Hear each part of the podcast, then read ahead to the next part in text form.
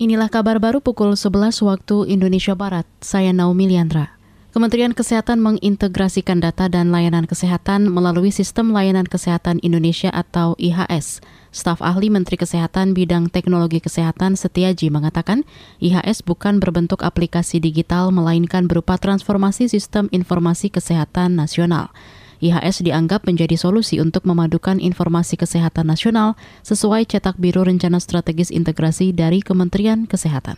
Indonesia Health Services ini semacam platform, jadi bukan aplikasi yang akan menghubungkan seluruh ekosistem pelaku kesehatan ya, seperti rumah sakit, puskesmas, startup, vendor, apotik, dinas kesehatan, dan lain sebagainya, yang di mana di dalam IHS ini akan tersedia spesifikasi dan mekanisme standar yang mulai dari proses bisnis, data, teknis, dan tentunya juga dari sisi keamanan.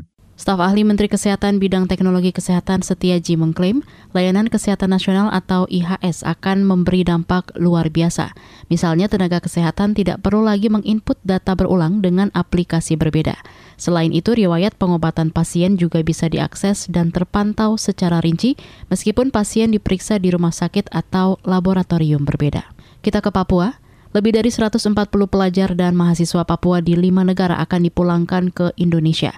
Kepala Badan Pengembangan SDM Provinsi Papua, Aryoko Rumaropen, mengatakan 140-an pelajar dan mahasiswa Papua itu antara lain belajar di Amerika Serikat, Australia, Kanada, Selandia Baru, dan Filipina. Aryoko mengatakan para pelajar dan mahasiswa Papua itu merupakan penerima beasiswa dan akan dipulangkan karena sudah melebihi ketentuan batas waktu studi.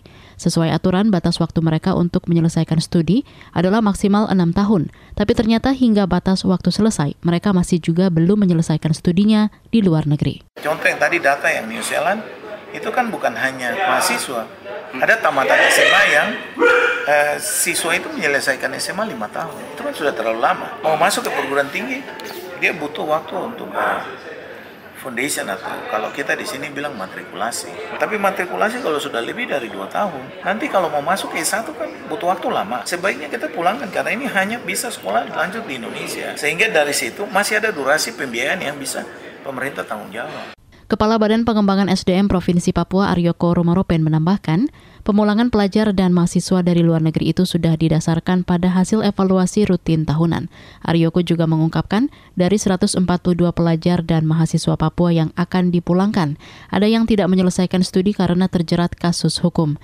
Hingga kini baru empat mahasiswa dari Amerika Serikat dan lima mahasiswa dari Filipina yang sudah pulang ke Papua. Kita ke informasi olahraga. Kementerian Pemuda dan Olahraga meminta para atlet yang terpilih ke SEA Games 2021 Vietnam untuk bekerja keras mempersembahkan medali bagi Indonesia. Menpora Zainuddin Amali mengatakan, usai SEA Games Vietnam nanti, setiap seleksi pengiriman atlet internasional juga akan lebih ketat lagi. Hanya cabang olahraga dan atlet yang dapat meraih medali saja yang akan diberangkatkan.